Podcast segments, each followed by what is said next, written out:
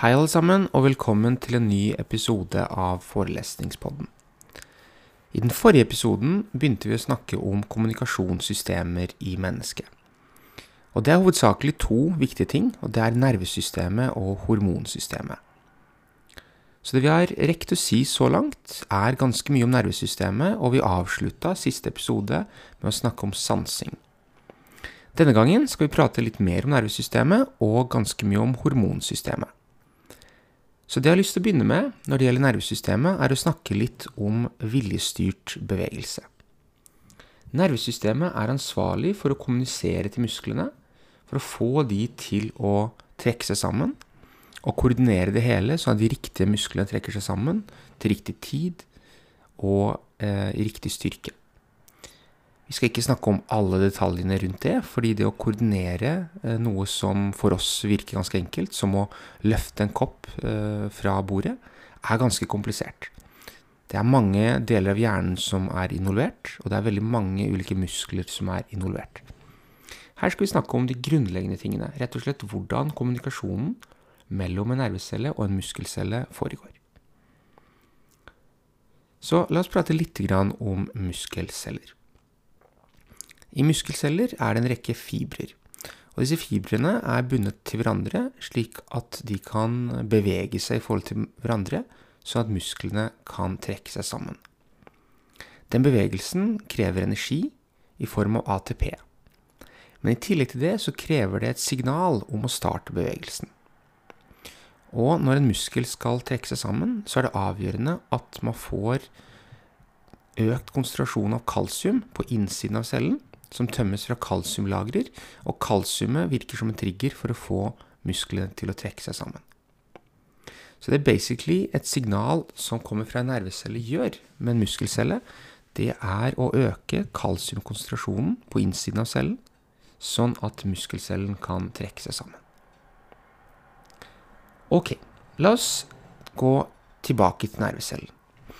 Så la oss tenke at du sitter nå, og så tenker du at du skal bevege en finger. Det er bare å gjøre det, ikke sant? Det er ikke sånn at du må tenke 'hvordan skal jeg få det til'? Du tenker at du har lyst til å bevege din finger, så bare skjer det. Men hva er det som skjer i hjernen din? I hjernen så har vi den motoriske hjernebarken. Og den er jo delt opp i regioner, hvor ulike regioner styrer ulike deler av kroppen.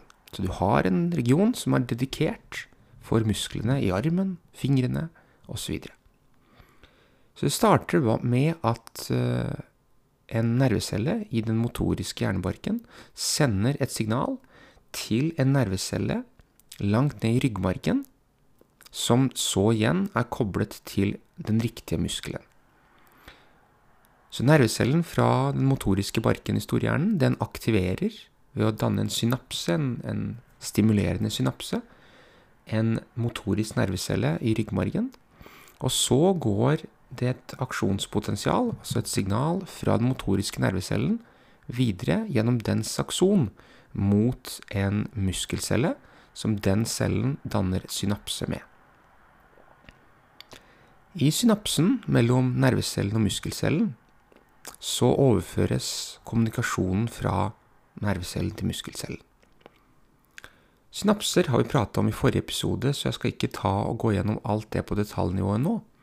Men her er hva vi kan si når det gjelder muskel-nervecellesynapsen. I aksonenden på den motoriske nervecellen så har vi små blærer, eller vesikler, som er fylt med et uh, transmitterstoff, nevrotransmitterstoff, som heter acetylkolin.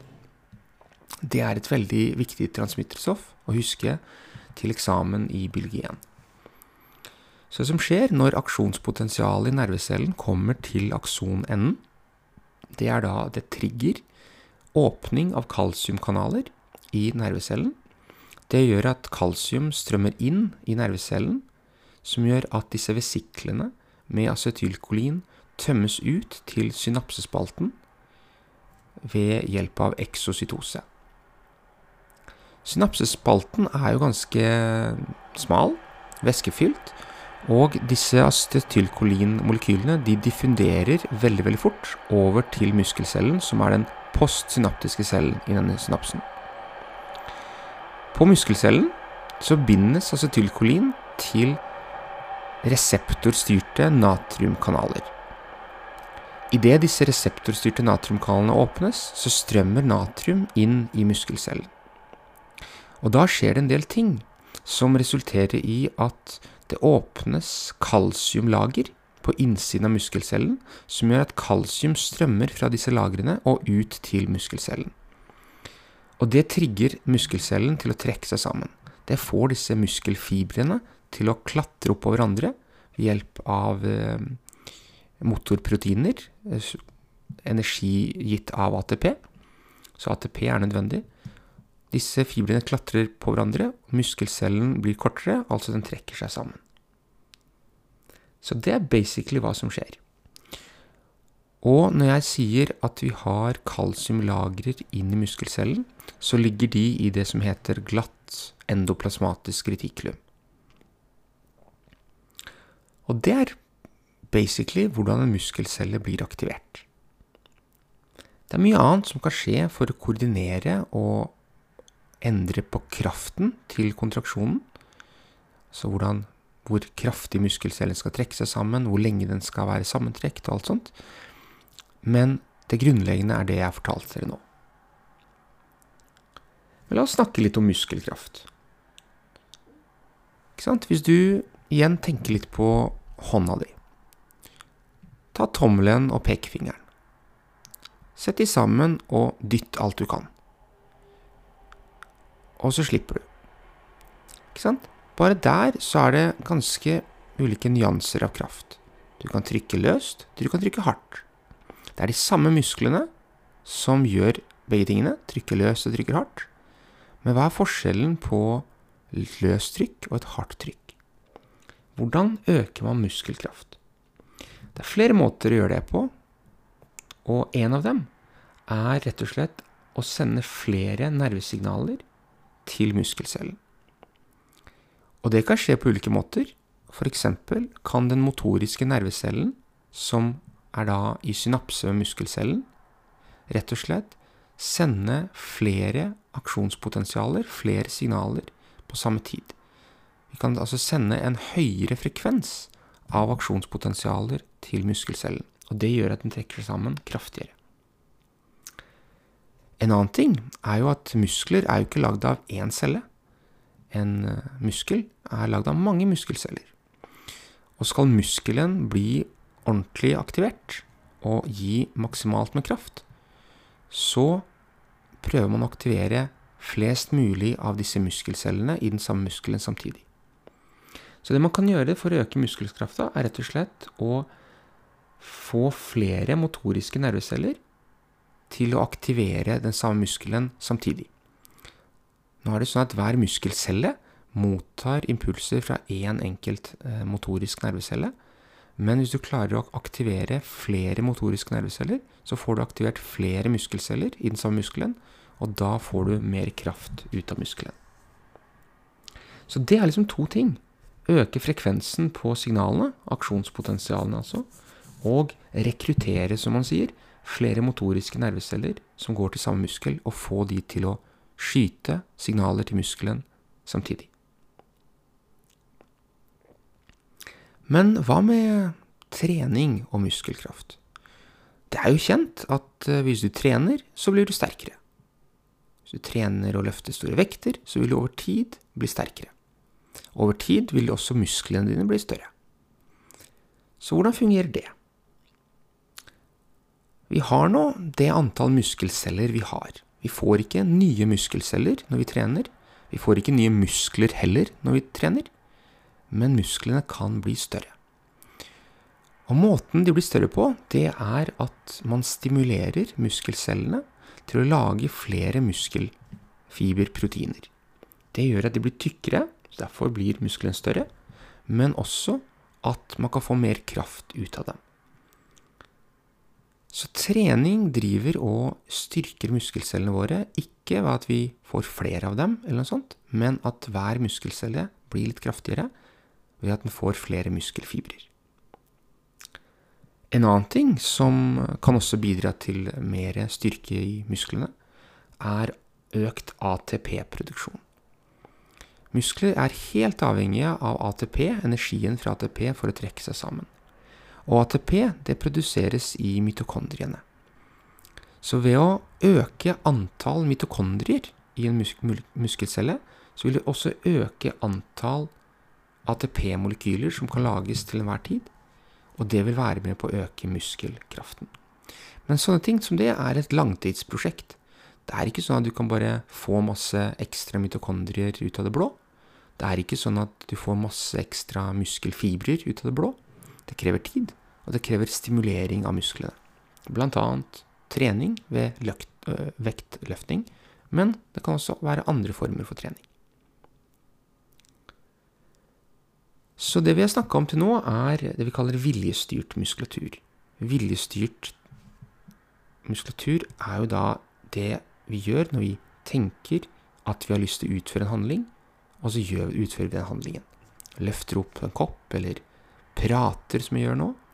Prating er jo viljestyrt eh, kontroll av eh, musklene i leppene og i, i eh, ansiktet osv. Men vi har også en del andre måter å styre musklene på. F.eks. vi har noe som heter reflekser. Reflekser er veldig viktige. De er veldig viktige for oss for å komme oss vekk fra farer så fort at vi eh, skal slippe å tenke over det. Og her er et godt eksempel, et klassisk eksempel på refleksstyrt eh, bevegelse. Tenk deg at uh, armen din kommer borti noe veldig varmt. Det som skjer da, det er at du trekker bort armen din uten at du må liksom tenke først over det. Det bare skjer av seg selv. Det er, det er en refleks. Så hvordan fungerer det? Det viser seg at eh, den refleksen den er helt uavhengig av hjernen i å fungere. Hjernen er kobla på for å registrere at det har skjedd noe, og registrere smerte og litt sånt, men refleksen i seg selv klarer seg fint ved å kun benytte seg av det som ligger i ryggmargen vår. Så I ryggmargen vår så har vi da disse motoriske nervecellene som eh, danner synapser til musklene. Men vi har i tillegg til det sensoriske nerveceller. De sensoriske nervecellene sender da aksoner til diverse steder i kroppen, og de kan da registrere berøring og smerte, endring i temperatur osv. Så, så det som skjer i en sånn refleksbue, som man kaller det, det er følgende. Så si at armen din kommer borti noe veldig varmt. F.eks. Eh, en brennende fyrstikk. Flammen fra fyrstikken vil jo varme opp huden din, og da vil sansecellene registrere det veldig fort. Disse sansecellene de sender signalet rett inn til ryggmargen, og de danner synapser med muskelceller som, når de blir aktivert, trekker armen din bort fra flammen. Så det er en veldig kjapp og enkel eh, refleksbue. Så sansecellen registrerer, aktiverer den riktige motoriske nervecellen, som aktiverer den riktige muskelen som tar bort hånda di. Og alt dette skjer uavhengig av hjernen. Det er ikke noe du må tenke på, det er ikke noe du må liksom, koordinere og vurdere. Det er automatisk. Det sendes også samtidig signaler opp til hjernen, sånn at vi registrerer hva som har skjedd, at vi registrerer smerten, som denne flammeproof fra fyrstikken har påført oss. Men selve biten å ta bort armen klarer vi å gjøre uten hjernens involvering. Og vi har ganske mange sånne muskler som eh, er da med på refleksstyrt motorikk. Det er også ulike sanser som bidrar til dette her. Eh, dette med å kjenne temperaturendringer er én. Eh, vi har strekkreseptorer. Når du f.eks. slår på et riktig sted under kneet, så vil beinet trykke. Da er det sanser som detekterer at eh, det kommer et slag. Og de sender da med en gang signaler til ryggmargen, som sender signaler til de riktige musklene, som da gjør at beinet ditt gjør en bevegelse.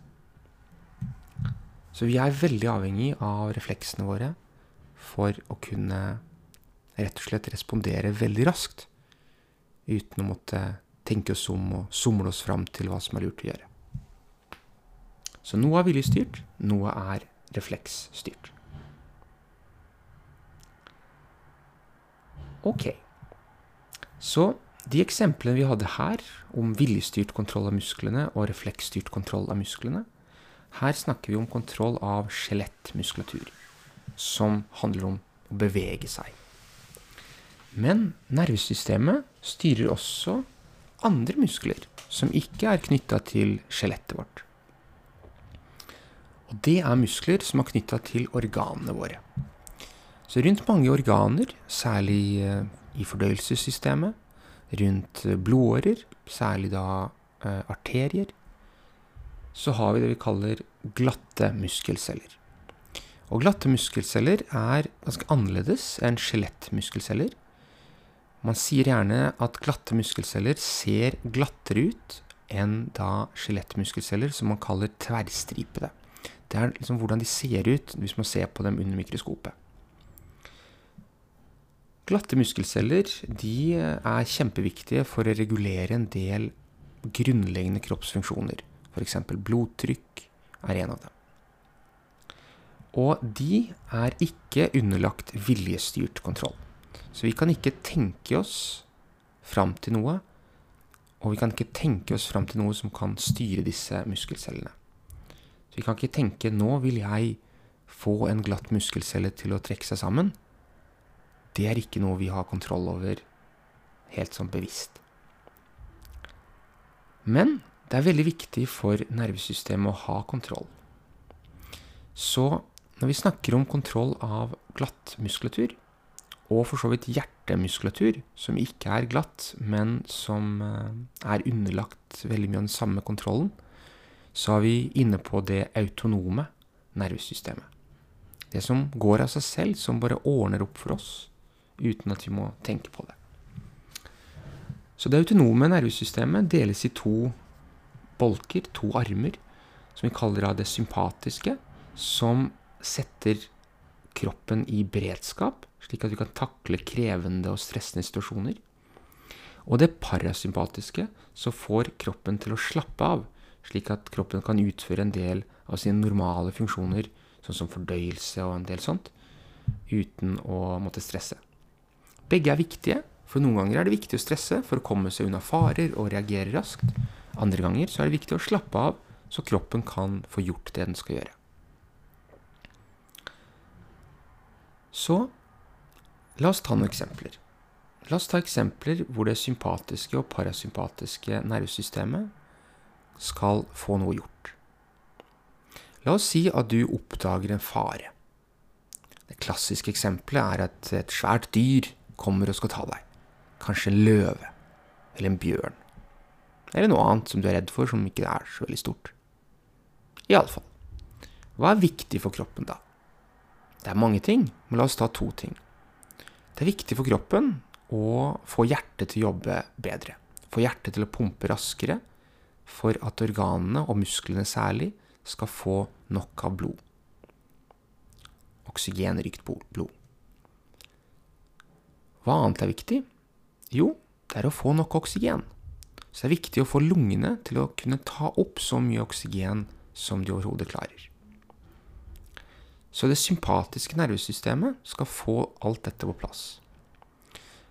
Så det sympatiske nervesystemet signaliserer til hjertet og ber hjertet om å trekke seg kraftigere sammen. Øker da pulsen din, sånn at du får bedre sirkulasjon.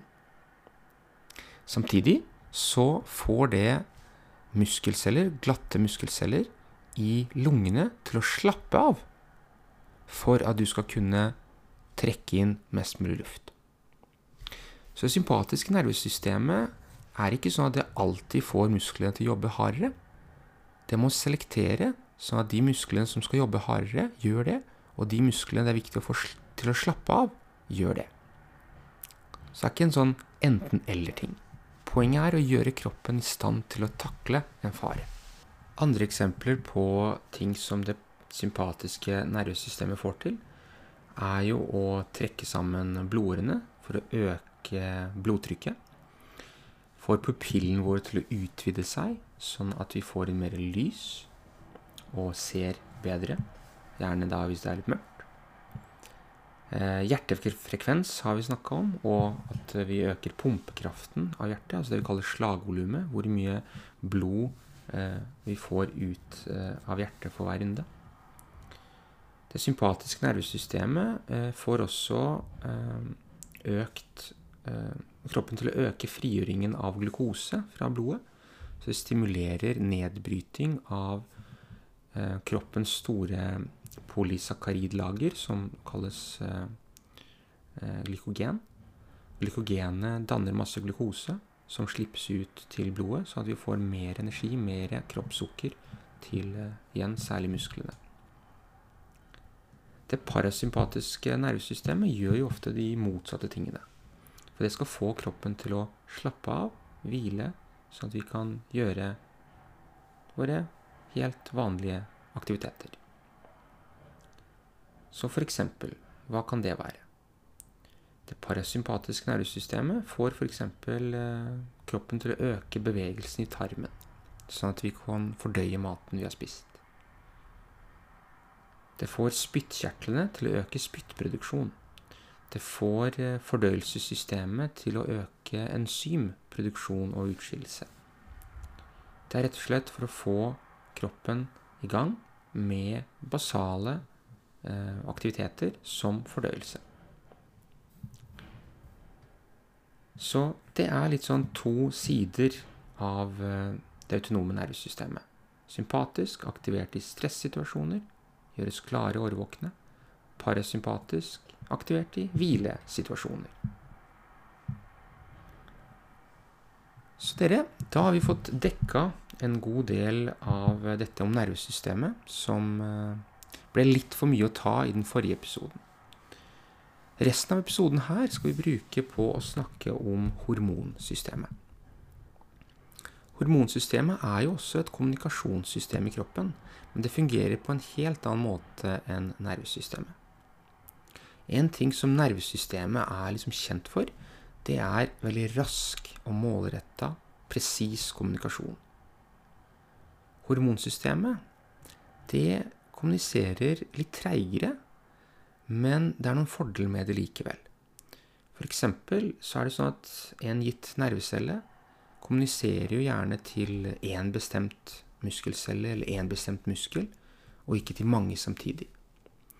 Mens et hormon kan påvirke veldig, veldig mange ulike deler av kroppen samtidig. Så, så, hormoner kan ha mange større globale effekter i kroppen. Mens nervesystemet har veldig sånn spesifikke effekter på ett og ett sted av gangen. Så det er ikke sånn at man kan si at nervesystemet er bedre enn hormonsystemet eller motsatt. De er ikke i konkurranse med hverandre. De er forskjellige, for de skal utføre forskjellige typer oppgaver. Så hvordan fungerer hormonsystemet? Så hormonsystemet baserer seg på det vi kaller kjemisk kommunikasjon. Mens nervesystemets eh, kommunikasjonsform er jo elektrisk. Så i hormonsystemet, eller det endokrine systemet, som det så fint eh, heter, har vi en del såkalte kjertelceller som sitter i ulike kjertler i kroppen. Og jobben til kjertelcellene det er å produsere og skille ut hormoner etter behov for å styre en del av kroppens ja, hva skal vi si arbeidsoppgaver, prosesser. Så hva slags ting kan det være? Hva slags ting i kroppen kan hormoner bidra med å styre? Den lista er veldig lang, men for å nevne noen. Hormonkontroll er veldig viktig for lagring, nedbryting, utskilling av næringsstoffer. Veldig viktig i forhold til fordøyelse, veldig viktig i forhold til stressreaksjoner, der kroppen skal frigjøre næringsstoffer i blodet. Hormoner er veldig viktig for vekst og utvikling, særlig når man har barn og, og ungdom og i puberteten. Hormoner er viktig for væskebalansen i kroppen, saltbalansen i kroppen, og dermed liksom indirekte også blodtrykket. Hormoner er veldig viktig for formering, eh, modning av kjønnsceller, eh, og mange, mange, mange andre ting. Nå er ikke meningen at eh, biologi 1-elever skal kunne alt om alle hormoner i kroppen. Det er altfor mye for en biologi 1-eksamen. Dere skal forstå prinsippene bak kommunikasjonen, og gjerne ha par konkrete eksempler på hormoner, hvordan de jobber, og hva de får til.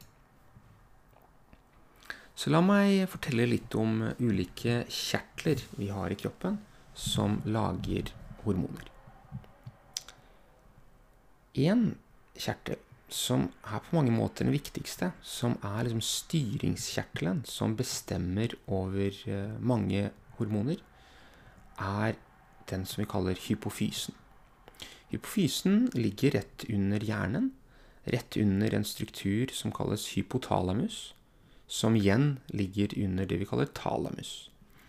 Talamus var jo den delen av hjernen som bearbeida eller filtrerte sanseinntrykk. Så talamus i seg selv har ikke så mye med hormonsystemet å gjøre. Men hypotalamus, som ligger under, er et sted hvor hormonsystemet og eh, nervesystemet overlapper. For veldig mye av det som skjer i hormonsystemet, styres og reguleres av nervesystemet. Og det skjer gjennom kommunikasjonen mellom hypotalamus og hypofysen, som er en hormonkjertel, altså den viktigste hormonkjertelen på mange måter. Fordi hypofysen lager mange hormoner som styrer andre kjertler, og bestemmer hva de kjertlene skal gjøre. Så hvilke andre kjertler har vi? Vi har f.eks. skjoldkjertelen, som vi har eh, ja, i halsen. Liksom på utsiden der. Vi har eh, eggstokker, ikke alle sammen, men halvparten av oss testikler. Eh, vi har da i, eh, Rundt nyrene så har vi noe som kalles binyrene. Og de bidrar til produksjon av hormoner. Et kjent hormon som heter kortisol, som er et kjent stresshormon, lages av barken i binyrene. Så de ulike kjertlene lager ulike hormoner som skal da styre ulike funksjoner i kroppen. Og igjen, i biologien så skal man ikke pugge alle hormonene. Men det er fint å kunne litt om hvordan man kan sortere oppi dem. F.eks. en inndeling som er viktig å ha med, det er at vi har det vi kaller vannløselige hormoner og fettløselige hormoner. Et eksempel på et vannløselig hormon, som vi skal snakke litt om eh, seinere, er insulin. Insulin er med på å regulere eh, blodsukkeret sammen med et annet hormon som heter glukagon. Et eksempel på et fettløselig hormon er f.eks. kortisol, som dannes i binyrebarken. Og vi skal lære litt om hvordan de ulike typene fungerer. Hva er det som skiller et fettløselig og vannløselig med tanke på hvordan det får formidla beskjeden sin. For det er det disse hormonene er til. Hormoner er signalstoffer. Det er molekyler som skal bringe en beskjed til noen målceller. Så vi kan tenke da at vi har kjertelcellen, som sagt. Lager hormoner, skiller ut hormoner. Hormoner skilles ut til blodbanen, fordi blodbanen skal frakte de til resten av kroppen. Så hormonene spres med blodbanen, og så når de sine målceller og de påvirker målcellene og får de til å gjøre noe. Det kan være å starte en prosess, det kan være å avslutte en prosess. Det kan være så mangt. Så la oss se på et par tydelige, konkrete eksempler. La oss se på et vannløselig hormon som heter ADH. ADH står for antidiuretisk hormon. Så vi har en kjertel som lager ADH, og den kjertelen, det er da hypofysen. ADH spres gjennom blodet, kommer til målcellene i nyrene. Og siden ADH er vannløselig, så løses det veldig fint i væsken i blodet. Trenger ikke noe hjelp for å gjøre det. Når ADH kommer til målcellene sine, så må det binde seg til en reseptor for å få målcellene til å respondere, til å gjøre noe. Og her kommer det generelle når det gjelder vannløselige hormoner, som f.eks. ADH. Siden de er vannløselige, så er de hydrofile. Og hydrofile stoffer klarer ikke å passere over cellemembranen helt uten videre. Så reseptoren som da ADH skal bindes til, må finnes på utsiden av cellen. Eller da forankret i cellemembranen, men bindingsstedet er på utsiden av cellen. Så for alle vannløselige hormoner så ligger reseptoren i cellemembranen. Og det som skjer, det er at hormonet binder seg til reseptoren, og så blir reseptoren aktivert, dvs. Si den forandrer seg i form. Og den reseptoren vil jo da ha en liten utstikker på innsiden av cellen. Reseptoren går liksom gjennom cellemembranen, har en bit på utsiden som binder hormonet, og en bit på innsiden av cellen, pekende altså mot cytosol, som eh, den formidler responsen med. Så reseptoren aktiveres av hormonet, og det setter i gang en signaliseringsvei på innsiden av målcellen som får målcellen til å gjøre noe. Akkurat hva ADH gjør nøyaktig, det skal vi snakke mer om når vi kommer til nyrefysiologien. For ADH skilles gjerne ut som en respons på endring i saltkonsentrasjon. Så ADH signaliserer basically til nyrene for å ta opp mer vann Dvs. Si ikke skille ut for mye vann. Så ADH gjør at eh, urinen din eh, blir mer konsentrert. Ok, hva med fettløselige hormoner? F.eks. kortisol, som er et typisk stresshormon. Fettløselige hormoner lages da i en kjertel, også i sin, sin spesielle kjertel, ikke alle i én kjertel. Kortisol lages f.eks. av i bidnyrene. Eh, testosteron lages i testiklene, for å ta noen eksempler. Fettløselige hormoner de sliter veldig med å løse seg inn altså i væsken i blodet. Så de trenger hjelp. Så det som skjer, det er at kjertelen lager disse fettløselige hormonene, skiller dem til blodet, hvor de bindes til transportproteiner. Og transportproteiner er nærmest som små busser som hormonene går inn i, og så blir de busset til destinasjonen sin. Så da har du et transportprotein-hormonkompleks, som man kaller det, som flyter rundt i blodet. Og så når dette her målcellene. Og ved målcellene så skiller transportproteinet og eh, det fettløselige hormonet lag. Og siden hormonet er fettløselig, så er det da også hydrofobt, som betyr at det kan krysse cellemembranen i målcellen veldig enkelt. Så for fettløselige hormoner så er reseptoren ikke i cellemembranen, men den er på innsiden av cellen, sånn at det hele går opp i opp. Så hormonet krysser cellemembranen enkelt, binder seg til reseptoren på innsiden av cellen, aktiverer den og igangsetter en bestemt respons. Så det er generelt hvordan vannløselige og fettløselige hormoner fungerer. Men la oss grave litt dypere. Jeg har lyst til å gjøre det enda, enda mer konkret. Jeg har lyst til å vise dere to eksempler. Begge er da vannløselige hormoner. Om liksom hvordan de fungerer på litt mer detaljnivå. F.eks. et kjent hormon som heter adrenalin.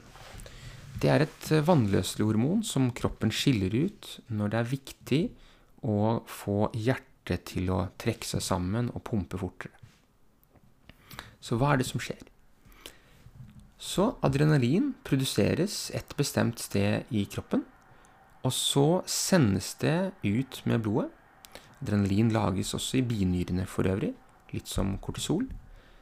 Så det sendes med blodet til hele kroppen. Men det påvirker ikke alle celler.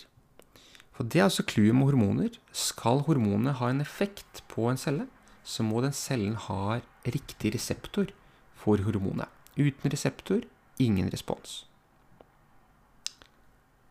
Muskelceller i hjertet har adrenalinreseptorer. Siden adrenalin er eh, vannløselig, så ligger da disse reseptorene i cellemembranen. Så adrenalinet diffunderer fra blodet over til eh, hjertemuskelcellene, binder seg til adrenalinreseptorene i cellemembranen, aktiverer dem. Det som skjer videre da, det er at den aktiverte adrenalinreseptoren setter i gang en signalvei i muskelcellen som leder til at kalsiumlageret på innsiden av muskelcellen, som er da i det glatte endoplasmatiske retikulum, åpnes, og kalsium skylles, strømmer ut fra lageret inn i cytosol i muskelcellen. Og som vi har vært inne på tidligere i denne episoden her, så er det sånn at når det kommer kalsium inn i muskelcellen, så er det et signal om å trekke seg sammen. La oss se på et annet eksempel som handler om en helt annen funksjon, men prinsippet er ganske likt. Og det er insulin. Så i kroppen vår så har vi et system som hele tiden overvåker glukosekonsentrasjonen i blodet. Glukose er da blodsukkeret. Hvis den blir for høy, f.eks. etter et stort måltid, så er det viktig å redusere den. Og det skjer ved at man prøver å ta opp glukose fra blodet og inn i cellene. For å få dette gjort, så skiller man ut enzymet, ikke enzymet, eh, hormonet, eh, insulin. Insulin er noe som lages i bukspyttkjertelen. Det er en annen kjertel som er viktig for mange ting, bl.a. dette, men også fordøyelsen. Så bukspyttkjertelen lager insulin, slipper det ut i blodet, og blodet transporterer da insulin til hele kroppen. Men ikke nødvendigvis blir alle celler påvirket. Igjen, det handler om at målcellen har insulinreseptorer. Hvert hormon har sin type reseptor. Skjelettmuskelceller f.eks. har massevis av insulinreseptorer. Så det som skjer når insulin binder seg til insulinreseptoren, igjen vannløselig, så reseptoren ligger i cellemembranen, det er at reseptoren blir aktivert, og det igangsetter da igjen en signalvei på innsiden av cellen som får cellen til å respondere. Og akkurat insulin får to viktige ting til å skje. Nummer én det gjør at cellen får plassert ut flere glukosetransportproteiner inn i membranen sin, så den kan klare å ta opp mer glukose fra blodet og inn. I tillegg til det så stimulerer den samme cellen til å ta glukose og bruke den for å bygge opp polysakkaridet glykogen, som er liksom glukoselageret. Så det stimulerer både til opptak og lagring samtidig. Så insulin er et veldig viktig hormon, for hvis det ikke fungerer godt, så vil du ha høyt blodsukker, og da er du inne på diabetes.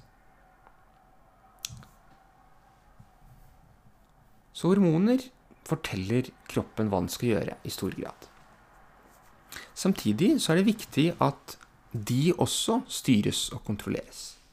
Hvis hormoner bare overproduseres og skilles ut hele tiden, så blir mye av denne kommunikasjonen her litt meningsløs. Så det er viktig at hormoner lages og skilles ut i riktige mengder etter behov. Så det er viktig for kroppen å regulere hormonene. Og det kan skje på ulike måter. F.eks. med insulin.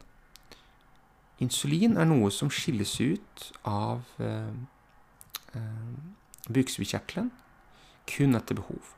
Så vi har da sensorer som registrerer glukosemengden i kroppen, i blodet. Hvis den er høy, så sendes det signal til bukspyttkjertelen om å produsere og skille ut insulin.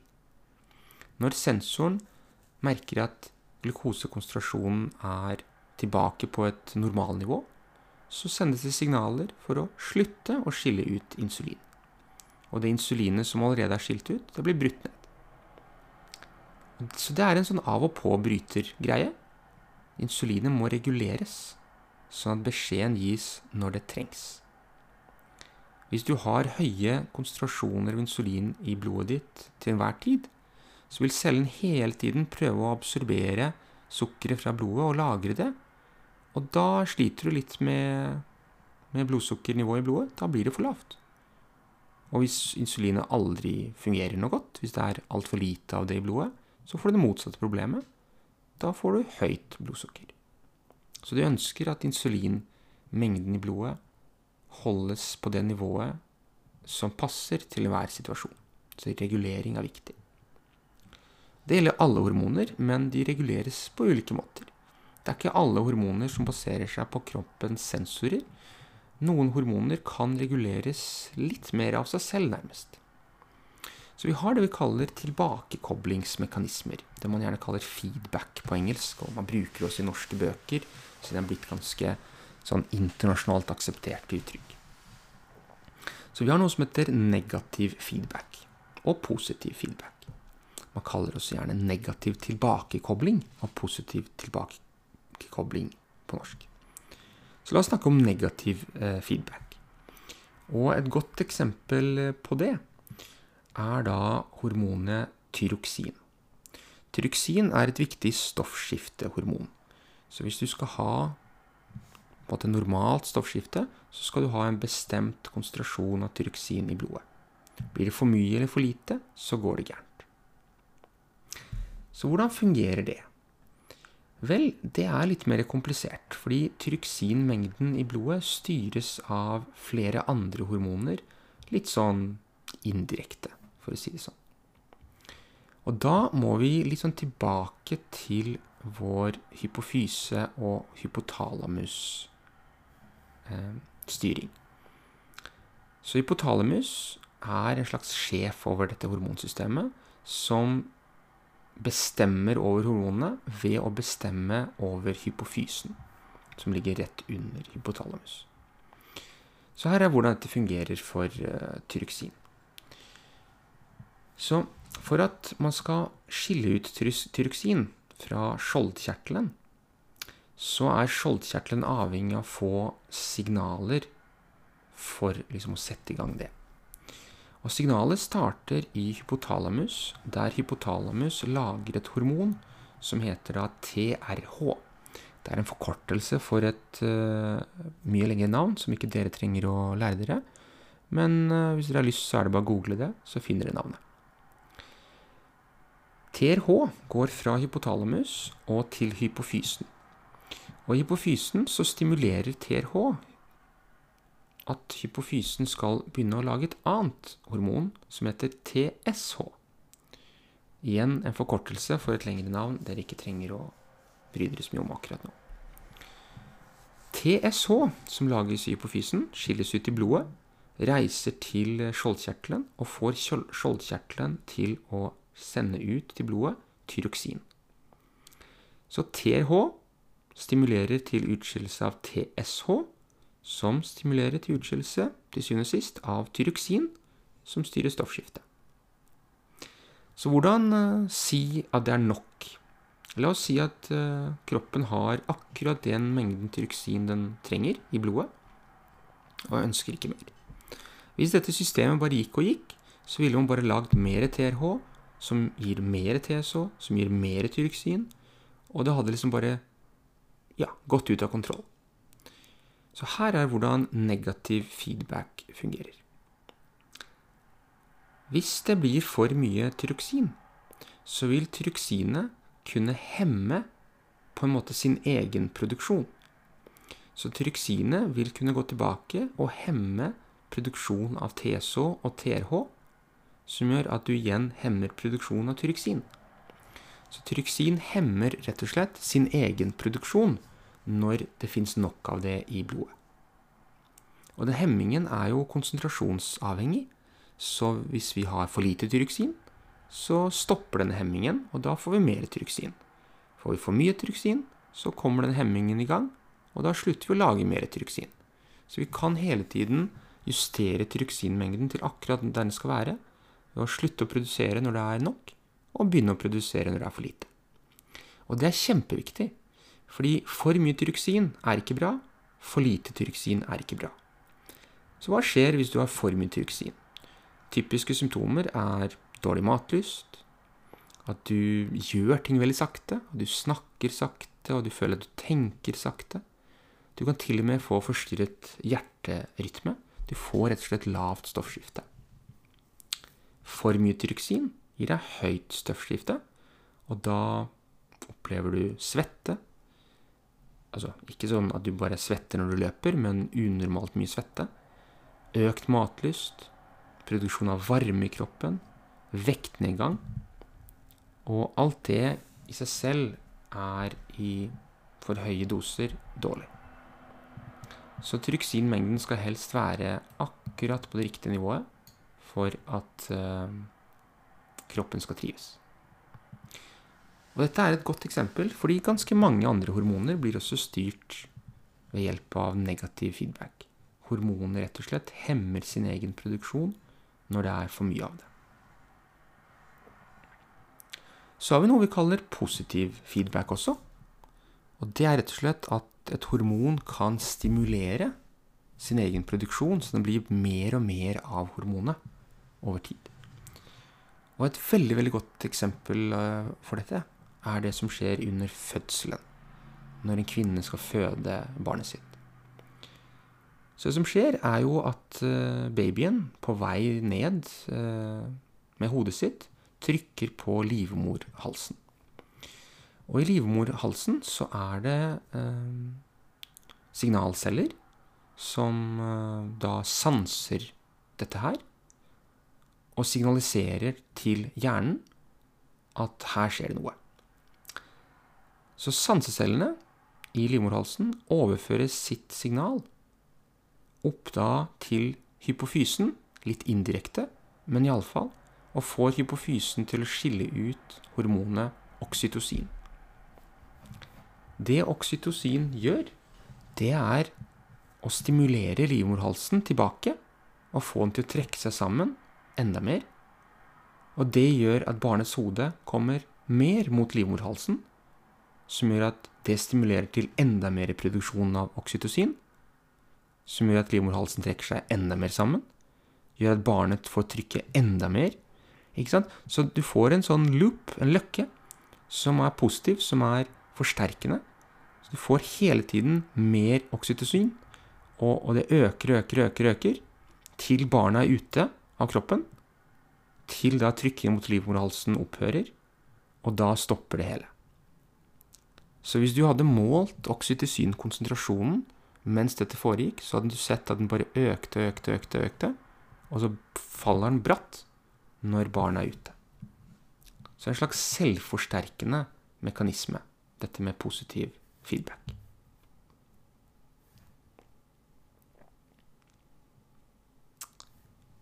Jeg har vært inne på at uh, hormonsystemet og nervesystemet samarbeider. På en måte så samarbeider de, men på en annen måte så er det vel Skal man være ærlig, så kan man jo si at nervesystemet bestemmer eh, kanskje litt ekstra mye. Men jeg har lyst til å gi deg et eksempel på et sånt samarbeid, som er litt mer rent samarbeid. Og det er noe som skjer under amming. Så denne moren vi snakka om i stad, som har født sitt barn Det barnet skal jo normalt amme. Og amming handler jo om at eh, melken flyter eh, best mulig da, fra brystet, sånn at eh, barnet får i seg mat. Og det er avhengig av god kommunikasjon mellom nervesystemet og hormonsystemet. Og her er hvor den fungerer. Så når barnet skal amme, så starter det jo med å suge på brystvorten. Og i brystvorten så er det da sensoriske nerveceller som registrerer dette her og sender sine signaler til hypotalamus. Hypotalamus sender da signaler til hypofysen, som får hypofysen til å skille ut dette, nettopp dette hormonet vi snakka om i stad, som heter oksytocin. Oksytocin har flere roller i kroppen, ikke bare under fødselen, men også under amming. Så hypotalamus får signalet fra nervesystemet, får hypofysen til å eh, få ut eh, oksytocin. Oksytocinet reiser med blodbanen tilbake til eh, brystene. Får da de glatte muskelcellene i uh, melkekjertel, melkekjertlene ehm, til å trekke seg sammen for å drive ut melken. Så, så basically, babyens stimulering av brystvorten får da brystet til å skille ut melken smidigere. Kjempeviktig prinsipp. Kjempeviktig kommunikasjon mellom nervesystemet og hormonsystemet. Tenkte at vi kan avslutte denne episoden her med litt sånn kommentarer på hvordan miljø kan påvirke våre kommunikasjonssystemer. Fordi vi får i oss ganske mye rart gjennom en vanlig dag. Mat, kanskje medisiner, kanskje rusmidler, kanskje giftstoffer. Og mange av disse her har en eh, effekt på nervesystemet og hormonsystemet. Og jeg har lyst til å ta noen eh, eksempler. La oss ta nervesystemet først. Jeg har lyst til å ta et eksempel med et uh, relativt kjent rusmiddel som uh, heter kokain. Hva er det kokain gjør med nervesystemet vårt? For å forstå kokain så må vi snakke litt om en nevrotransmitter som heter dopamin. Så dopamin skilles ut i synapser av enkelte nerveceller og er veldig viktig for det vi kaller belønnings- og motivasjonssystemet i hjernen. Så når man skiller ut dopamin, så får man rett og slett gode følelser, høy selvtillit, man blir mindre sjenert, man blir tryggere på seg selv. Og det er en del av liksom belønningssystemet. Så når vi gjør noe bra, når vi får til noe, når vi vinner i en kamp, i en konkurranse, så kommer dette belønningssystemet inn. Og kokain er en måte å forsterke dette på, og egentlig liksom lure kroppen litt. For det som skjer når dopamin skilles ut i synapsen, det er at det virker en liten stund, og så blir det tatt opp og fjernet fra synapsespalten. Så disse følelsene du får av belønning og osv., de er kortvarige. Tar du kokain, så hindrer kokainet at dopamin fjernes fra synapsespalten, sånn at dopaminet får virke mye lengre. Og Det gjør at du får disse gode følelsene enda kraftigere, og, og de varer lengre. Og de kan til og med komme uten at du har gjort noe bra. Uten at du liksom, hva skal vi si, fortjener en belønning. Bare liksom ved at kokainet gir deg disse følelsene. Så det er en måte å liksom rigge systemet på, og få alle de godfølelsene uten å måtte gjøre noe for det. Det høres jo for så vidt ganske greit ut, gjør det ikke det? Det er en bakside ved alt dette her. Baksiden ved kokainforbruk Det er mange baksider, men la meg gi dere, gi dere en konkret en. Det er at uh, over tid så vil kokainmisbruket ditt gjøre at du får færre dopaminreseptorer på da nervecellene. Og det gjør da at når du slutter å bruke kokain, så vil ikke dopaminet kunne fungere like godt som det gjorde tidligere. Så ditt belønnings- og motivasjonssystem knekker sammen, rett og slett. Og hva skjer da? Jo, da er du avhengig av å ta enda mer kokain for å få effekten. Mens du da ellers, når du ikke tar kokain, blir ganske daff og gledesløs. Det skal veldig mye til for å gi deg følelsen av, av glede og liksom og, og, liksom gi deg den høye selvtilliten og alle disse gode følelsene du får fra belønningssystemet. Og det tar ganske lang tid for kroppen å komme tilbake. Så hvis du slutter å bruke kokain, så tar det en god stund uten kokain til dette nivået av disse dopaminreseptorene er tilbake. Kanskje det aldri kommer helt tilbake der det var. Et annet eksempel det er da mer et medikament, som for så vidt kan også betraktes som et rusmiddel i, hvis du misbruker det. Det er valium. Så hva er det valium gjør i kroppen? Valium er jo et beroligende medikament. Så det som skjer, da, det er at vi har i kroppen det vi kaller uh, hemmende synapser, som bruker nevrotransmitteren GABA. Og når GABA binder seg til sin reseptor, så åpner det kloridkanaler som gjør at klorid strømmer inn i cellene, som gjør at cellene ikke får dannet aksjonspotensialer. I hvert fall sjansen for det er lavere, dvs. Si nervecellene slapper av, for å si det enkelt. Det valium gjør, er at den binder seg til GABA-reseptorer, som gjør at de får den naturlige virkningen av GABA til å bli mye sterkere. Og det gjør at kroppen blir mer avslappet, lettere for kroppen å sovne, og det er veldig effektivt. Overforbruk kan jo få kroppen til å slappe av veldig mye, så mye at kroppen dør. Og valium er også veldig avhengighetsskapende, så det er ikke noe som man skal bruke med mindre legen skriver det ut, og det er en veldig god grunn til det. Jeg blir fristet til å ta litt flere eksempler, for jeg vet at akkurat dette med medisiner og kjemikalier og nervesystemet er noe folk syns er ganske spennende.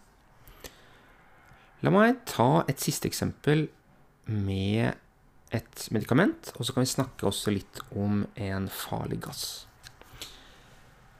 Et medikament, eller en gruppe medikamenter som brukes av veldig mange, eh, er antidepressiva.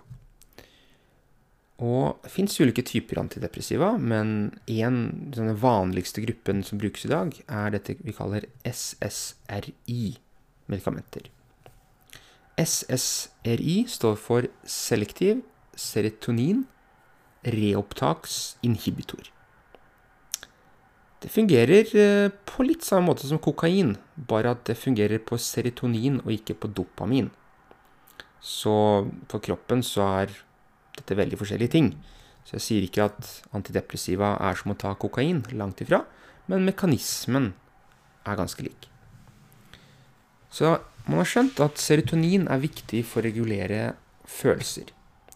Og teorien er da at eh, økt serotoninmengde i synapsespalten, der dette reguleres, gjør at um, folk opplever Jeg vil ikke si glede, fordi det, det, er ganske feil.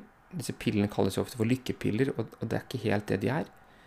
Men sjansen for å få negative følelser uten noe særlig grunn senkes av disse medisinene. Så du blir ikke glad av dem. Det er ikke sånn at en person som har det bra, blir bare superglad ved å ta antidepressiva. Men det er heller sånn at de som er deprimerte, blir mindre deprimerte. Det er ikke alle det funker på heller. Men iallfall. Det som skjer, det er at dopaminet, unnskyld, serotoninet, får lov til å virke litt lengre. For når serotoninet skilles ut til synapsespalten, så er det der en liten stund. Så blir det tatt opp tilbake i den presynaptiske cellen som skilte dem ut. Og så slutter effekten å være der. Disse SSRI-medisinene de kalles jo reopptaksinhibitorer. De hindrer den presynaptiske cellen å ta tilbake serotoninet, sånn at serotoninet får vært litt lengre i synapsespalten og hatt en større effekt. Akkurat samme med kokainet, bare at kokainet gjør dette med dopamin, som gir deg noen helt andre effekter. Men mekanismen er lik. Hindrer reopptak av eh, nevrotransmitteren. Og SSRI-er har vist seg å ha veldig god effekt for mange. For noen har det ingen effekt, og for noen uh, har de også negative effekter.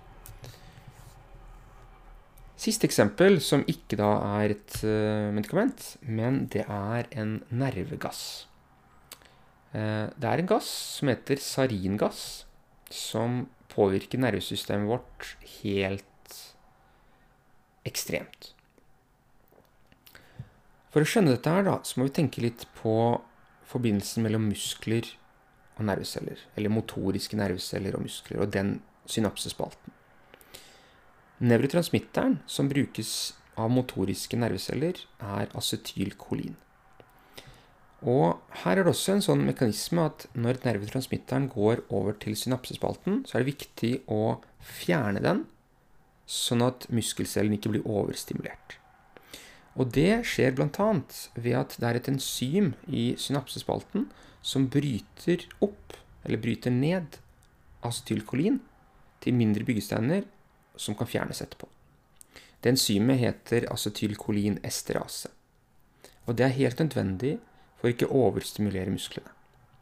Det saringass gjør, det er at det hemmer dette enzymet. Og det gjør at acetylkolinet ikke blir brutt ned, og ikke blir fjernet fra synapsespalten, Og det gir en ekstrem overstimulering av muskelcellene. Og det gir fort alvorlige kramper, og i verste fall død. Særlig viktig eh, er påvirkningen av eh, mellomgulvet, muskelen som gjør at vi puster. Hvis den blir overstimulert og går i krampe, så får vi ikke puste. Får du ikke puste, så er du ferdig. Så det var en del eksempler på stoffer som kan påvirke nervesystemet vårt. På godt og vondt. Hva med hormonsystemet? Um, I seinere tid så har man jo blitt mer opptatt av det som heter miljøgifter. Og man har skjønt at noen av disse miljøgiftene kan påvirke nervesystemet vårt. Et eksempel er miljøgiftene i gruppen ftalater. Rart navn. Ftalater. Og eh, PCB-er. En ting de kan gjøre, det er at de kan etterligne de naturlige hormonene som er i kroppen, og gi en overstimulering. Et eksempel er hormon, stoffer som er såkalte østrogenhermere. Østrogenhermere, når de kommer i kroppen, kan påvirke mye forskjellig. Et godt eksempel er at de kan påvirke fosterutviklingen hos gravide. Som gjør at fostrene deres kan få store misdannelser, Eh, eller mindre synlige konsekvenser, læringsvansker, i det hele tatt. Dette er ikke noe vi vet altfor mye detaljert om. Det er ganske ny forskning. Men man har innsett at det er en del hormonhermere der ute. I, eh, i form av miljøgifter i uh, ulike produkter vi lager og bruker. F.eks. i plast så kan det være en del ftalater som er veldig ugunstige, særlig for små barn i utvikling. Så har vi også det vi kaller syntetiske hormoner, som kan påvirke hormonsystemet. Og det er gjerne hormoner man eh, bruker, sprøyter inn, spiser i form av tabletter, for å oppnå et eller annet formål. Og et godt eksempel på det er jo de kjente anabole steroidene. Anabole steroider eh, er syntetiske hormoner som gjør litt av det samme som testosteron. Så de kan binde seg til testosteronreseptorer i kroppen og bl.a. promotere muskelvekst. Og det høres ut som en bra ting hvis man er opptatt av muskler, men det er en del bieffekter. Over tid så vil anabole steroider gi deg masse problemer.